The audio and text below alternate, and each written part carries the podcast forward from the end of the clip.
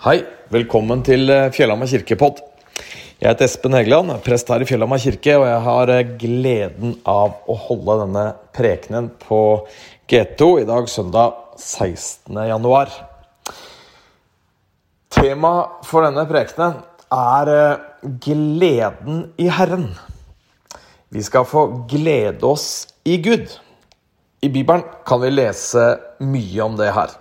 Kan lese om det i Det gamle testamentet. I Nehemia f.eks. kapittel 8. Der står det at 'gleden i Herren er vår styrke'. Paulus skriver mye om det. Filippe-brev f.eks. 'Gled dere alltid', skriver han. Og i Tessalonikerbrevet, andre Tessalonikerbrev så skriver Paulus 'Takk Gud under alle forhold. Vær alltid glade'. Jeg eh, må si at eh, alle disse skriftstedene, versene som, som forteller oss om glede, gir meg noen sånne assosiasjoner til eh, begrepet gladkristen. Og jeg tenker eh, Hva er det egentlig å være gladkristen? Jeg gjorde et enkelt eh, Google-søk. Det kan du gjøre òg, hvis du vil. Google 'gladkristen' og klikk på bilder så får du opp mye rart. Du får opp uh, unge, friske, sprudlende mennesker som hopper høyt med et bredt smil om munnen. Du får opp uh, den gode, gamle kristensangeren Rune Larsen. Og du får også opp Max Mekker. Alle disse bildene altså som uh, Googles eksempler på gladkristendom. Er det, er det dette Bibelen snakker om? Når vi leser om 'gleden i Herren er vår styrke', 'gled dere alltid', 'vær alltid glade', osv. Jeg tror nok neppe det. Er det sånn at man i det hele tatt må være glad for å være kristen, egentlig? Jeg tror vel egentlig neppe det er sant heller. Du må du må nok verken se ut som Max Mekker eller eh, Rune Larsen for den saks skyld for å være kristen. Og du må nok heller ikke være gladkristen, for å bruke det uttrykket, eh, for å liksom være troende. Men de spørsmålene vi har stilt så langt må man se ut som Max Mekker eller Rune Larsen? Må man ha det smilet om munnen? Må man være glad? Er kanskje ikke de beste og mest relevante spørsmålene å stille, egentlig. Kanskje er det mer interessant å stille spørsmålene eh, Hva er det å være glad? Hva vil det si å være glad? Eller hva gjør meg glad? Vi lever jo i en verden hvor det er om å gjøre å være lykkelig. Egentlig så er det ikke om å gjøre å være lykkelig, lykkelig, faktisk, men det er om å gjøre å være sykt lykkelig. Er du lykkelig, så er du på en måte bare på et sånt nivå OK, kanskje OK minus. Men sykt lykkelig er målet.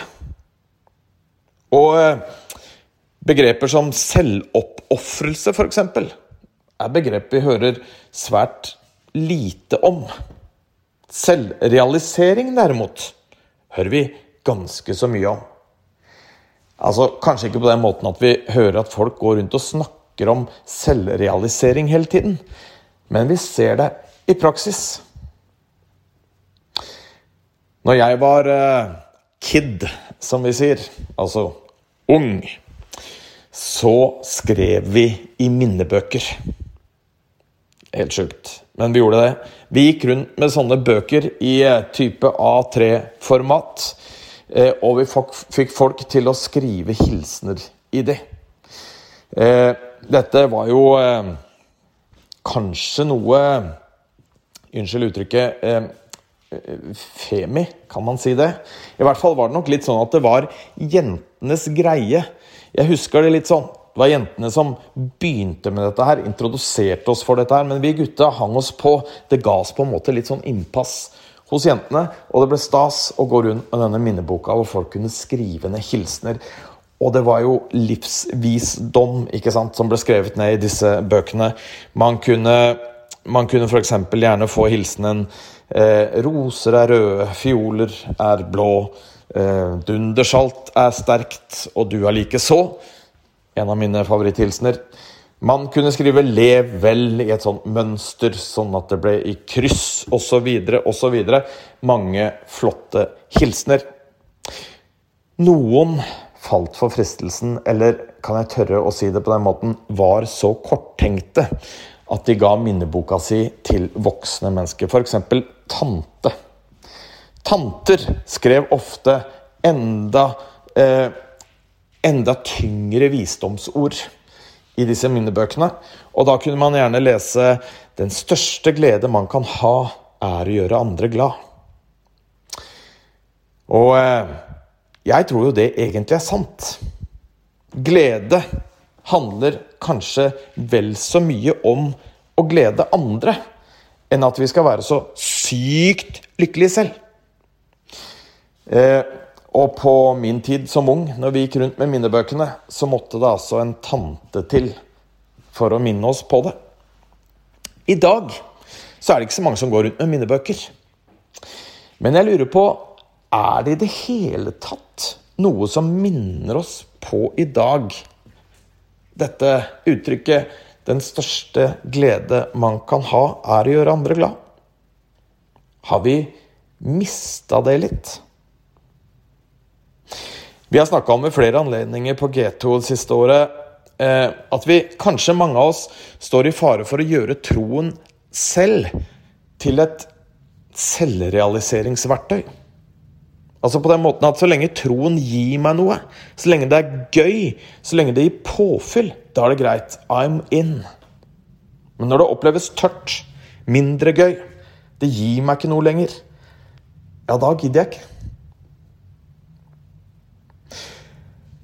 Organisasjonen Åpne dører opererer med tall på kristne martyrer. Altså mennesker som blir drept for sin kristne tro. Og de eh, regner ut hvor mange som hvert år blir drept for sin kristne tro. Og i 2019 så eh, hevder de at 3000 mennesker ble drept for sin kristne tro. Det vil si i snitt én per tredje time, det. Som blir drept for å være kristen. Jeg lurer litt på What's in it for de 3000? What's in it for den personen som blir drept nå i løpet av den, den tretimersperioden som vi befinner oss i nå? Var de gladkristne? Kan vi spørre om det? Om de var gladkristne, var de gladkristne til siste slutt? Eller hva fikk de ut av det? Hva fikk de ut av troen? What's in it for de menneskene? Og når vi stiller spørsmål som det, så tenker jeg at vi nærmer oss kjernen i hva som er viktig, i hva som betyr noe. Og dette er jo ikke spørsmål som nødvendigvis sier noe om hva det vil si å være glad, altså hva glede er. Men dersom glede og lykke er noe grunnleggende for oss mennesker å søke etter, så er det naturlig å anta at også disse menneskene søkte etter nettopp det, og samtidig døde for det. Det de trodde på. Så hva betyr det da å være glad? Og hva er det som gjør deg glad? Begge spørsmålene har kanskje tilhørende subjektive svar. Det vil si, hva betyr det for deg? Hva vil det si for deg å være glad? Hva gjør deg glad? Og det må jeg si at hvis du finner ut av det, hvis du finner ut av hva som gjør deg glad, så må det jo være lov å jage etter det. Altså, jeg mener, Gjør det deg ekstremt glad å spille golf, ja, så for all del, spill golf. Gjør du deg voldsomt glad å spise is, så spis mye is. Gjør du deg glad å klatre i trær, så ja, klatre i trær, for all del. Gjør det så lenge det ikke går utover noen, på en måte, så, så gjør det. Men finnes det en dypere glede? Om disse 3000 menneskene som i 2019 ble drept for sin kristne tro, ikke hadde fått lov til å utøve sin store glede, som var f.eks. å spille golf, eller å spise is, eller å klatre i trær, ville de da vært villige til å dø for det? Neppe. De døde for noe dypere. Jeg tror du blir lykkeligere av å jobbe for at andre mennesker skal ha det bra. Jeg tror det er sannhet i denne setningen 'Den største glede man kan ha, er å gjøre andre glad'. Men kanskje fins det en enda dypere kilde til glede for deg i ditt liv enn dette også. Vi skal snakke mye om Den hellige ånd denne våren på G2. Vi skal ha det som et tema gjennom vinteren og våren, med noen unntak innimellom. Men vi skal snakke mye om Den hellige ånd. Den hellige ånds roller, Den hellige ånds oppgaver, funksjoner. Hvem er Den hellige ånd? Og Den hellige ånd er Gud i oss. Den hellige ånd er Gud som gjør at vi er hjemme, tror jeg vi kan si. Og Hjemme er ikke en god og trygg plass for alle, det er jeg klar over, men tenk deg at det var det. Tenk deg at hjemme var slik du skulle ønske det var. Og da er livet med Den hellige ånd som å komme hjem. Når alt annet har skjært seg, kanskje. Når pengene er borte, vennene er borte, overskuddet er borte, jobben er mista, inntekten er ikke der lenger, vennene er borte, alt er tapt. Du har mista alt, men du er i, i hvert fall hjemme. Og den gleden, den avslappende, hvilende erkjennelsen, fordi du er der du hører til, den kan skape ekte glede. Og der du hører til, det er der Gud er. Og der Gud er, det er her, der hvor du er. For Gud bor jo i deg. Og Gud som bor i deg, er Den hellige ånd. Om ikke annet, så i hvert fall derfor er Den hellige ånd viktig. Dagens tema, gleden i Herren, kan så absolutt misforstås. Man kan lett tenke i retning av at kristendom handler om å være sykt glad. Man kan tenke i retning av at det er noe galt med deg som kristen om du ikke er sykt glad. Eller man kan tenke i retning av at det handler om å først og fremst oppgi alt annet, all annen form for glede, for å kun satse på Gud. Men det er ingen av disse tre tingene som er poenget i dagens preken. Poenget er at det handler om å la Gud være kilden i ditt liv. Gud som er Den hellige ånd. Gud som bor i oss som tror, på innsida.